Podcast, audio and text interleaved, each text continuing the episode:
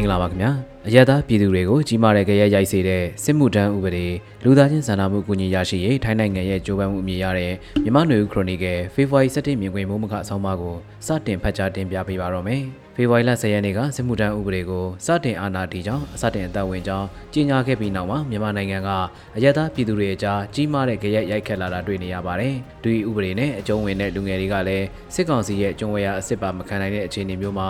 ဘလို့ရှောင်ထွက်ရမလဲဆိုတာစပြီးစဉ်းစားကြံစလာရတဲ့အခြေအနေမျိုးဖြစ်တယ်လို့မိဘတွေအနေနဲ့လည်းမိမိသားသမီးဖြစ်သူအကျုံးဝင်နေရင်ဘလို့စီမံကြရမလဲဆိုတဲ့အနေအထားနဲ့ခေါင်းမီတောက်ကြရတဲ့အခြေအနေဖြစ်လာတာတွေ့မြင်ကြသိနေရပါတယ်။ငွေကြေးတက်နိုင်တဲ့မိသားစုတွေလူလက်တန်းစားအထက်လွှာကသူတွေအနေနဲ့သားသမီးကိုစစ်မှုမထမ်းရဖို့အတွက်ပြည်ပနိုင်ငံတစ်ခုခုမှာပညာသင်ကြားစေတာမျိုးအတွက်စုံစမ်းမေးမြန်းတာတွေနေတွင်ချင်းညတွင်ချင်းအများပြားရှိလာနေတယ်လို့ကြားသိရပါတယ်။အဲဒီလိုပညာသင်ကြားဖို့အတွက်ရှိတဲ့ငွေကြေးပိုင်ဆိုင်မှုတွေကိုထုတ်ပြီးသုံးစွဲကြဖို့လဲဆုံးဖြတ်ထားကြတာဖြစ်ပါတယ်။ပြည်ပမှာပညာသင်ကြားမယ်ဆိုရင်ကုန်ကြစရိတ်အ ਨੇ ဆုံးဖြစ်မဲ့နိုင်ငံဖြစ်တဲ့ထိုင်းနိုင်ငံကတက္ကသိုလ်ကောလိပ်တွေကိုစုံစမ်းမေးမြန်းတာတွေညရင်းချင်းအများပြားရှိနေပြီးထိုင်းနိုင်ငံတက္ကသိုလ်တွေဘက်ကအားလုံးကိုပြန်ဖြေဖို့မဖြစ်နိုင်တော့အောင်စုံစမ်းမှုအများအပြားရှိလာကြတယ်လို့လည်းဆိုကြပါတယ်။ ဒါကငွေကြေးတနိုင်သူတွေမြို့ပေါ်နေလူလက်တန်းစားအထက်တော်တွေကိုအခြေအနေရှိသူတွေမှာပညာသင်တဲ့အနေအထားနဲ့တွားရောက်နိုင်မှာဖြစ်ပြီးမိသားစုအနေနဲ့ငွေကြေးမတက်နိုင်သူတွေအဖို့တော့မြန်မာနိုင်ငံထဲမှာပဲရှောင်းတိန်မှုနီလန်ရှာဖွေတာဒါမှမဟုတ်စင့်ခေါ်တဲ့အတိုင်းတွားရောက်ခါ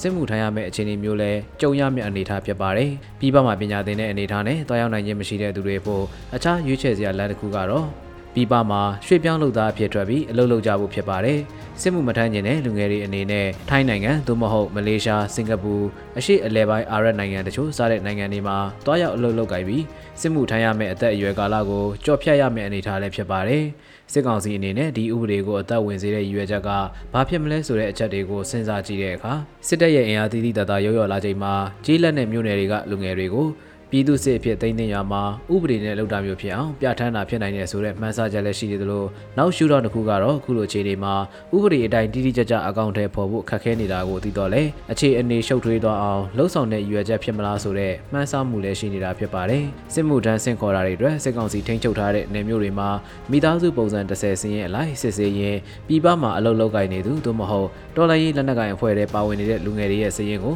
စီစစ်သိရှိနိုင်မယ်ဆိုတဲ့မှန်းဆချက်စိုးရိမ်မှုတွေလည်းရှိနေတာဖြစ်ပါတယ်။အခုလိုမြန်မာနိုင်ငံအနေနဲ့ပြည်တွင်းစစ်နွန်နဲ့နစ်နေချိန်မှာနိုင်ငံစိတ်ပိုင်းအချို့တိုင်းရင်းသားလက်နက်ကိုင်နဲ့တော်လှန်ရေးအင်အားစုတွေသိမ်းပိုက်ထားချိန်မှာသတ်မှတ်တဲ့အသက်အရွယ်ရှိတဲ့နိုင်ငံသားတိုင်းစစ်မှုထမ်းဥပဒေကိုပြဋ္ဌာန်းခြင်းဟာရှုပ်ထွေးနေပြီးအခြေအနေကိုပုံမရှုပ်ထွေးလာအောင်လုပ်တယ်လို့ဖြစ်ပြီးလူထုတွေအကြားကြရက်ရိုက်မှုကြီးကြီးမားမားဖြစ်ပေါ်နေတာအမှန်ပဲဖြစ်ပါတယ်။ဒီနေ့ပေါ်နောက်အကြောင်းအရာတစ်ခုကတော့ထိုင်းနိုင်ငံကမြန်မာနိုင်ငံစစ်ပေးရှောက်ဒုက္ခသည်တွေအတွက်အကူအညီပေးဖို့လှုံ့ဆော်ရမှာမြန်မာနိုင်ငံကြက်ချီနီအသင်းနဲ့ဆက်သွယ်ဆောင်ရွက်မှုတွေလှုံ့ဆော်နေပြီးမဲဆောက်မြို့မှာလူသားချင်းစာနာမှုအကူအညီပေးရေးစင်တာတစ်ခုဖွင့်လှစ်ဖို့လှုံ့ဆော်နေတယ်လို့သတင်းဖော်ပြထားကြတာတွေ့ရတာဖြစ်ပါတယ်။ပြီးခဲ့တဲ့ရက်သက်တစ်ပတ်တွေအတွင်းအာဆီယံအလှည့်ကျနိုင်ငံဖြစ်တဲ့လာအိုနိုင်ငံလွမ်ဘရာဘန်မြို့မှာကျင်းပခဲ့တဲ့နိုင်ငံခြားရေးဝန်ကြီးတွေရဲ့အစည်းအဝေးနဲ့မကြသေးခင်ဒါဗို့စ်မှာကျင်းပတဲ့ကမ္ဘာစီးပွားရေးဖိုရမ်မှာထိုင်းနိုင်ငံအနေနဲ့လူသားချင်းစာနာမှုအကူအညီတွေပေးနိုင်မှုလှုံ့ဆော်နေတဲ့အကြောင်းသတင်းတွေထဲပါရှိခဲ့တာဖြစ်ပါတယ်။ လာအိုနိုင်ငံလမ်ဘရာဘန်အစည်းအဝေးမှာမြန်မာနိုင်ငံဘက်ကနိုင်ငံရေးအရာခန့်အပ်ထားတာမဟုတ်တဲ့နိုင်ငံခြားရေးဝန်ကြီးဌာနက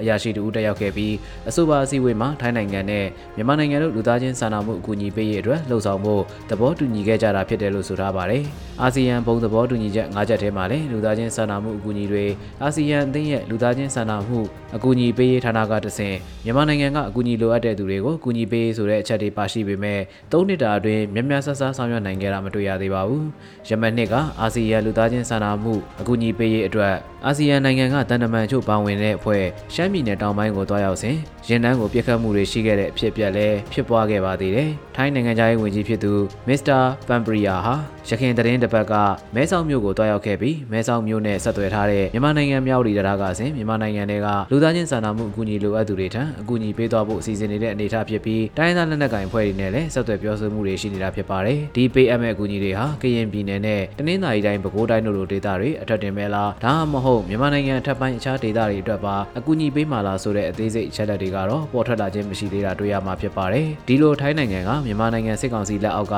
မြန်မာနိုင်ငံကြက်ချီနီအသင်းနဲ့ဆက်သွယ်ဆောင်ရွက်တဲ့ပေါ်ဒေါ်လာရင်းအင်အားစုတွေဘက်ကလည်းဝေဖန်ထောက်ပြတာတွေထွက်ပေါ်နေတာလည်းဖြစ်ပါတော့တယ်ခင်ဗျာ။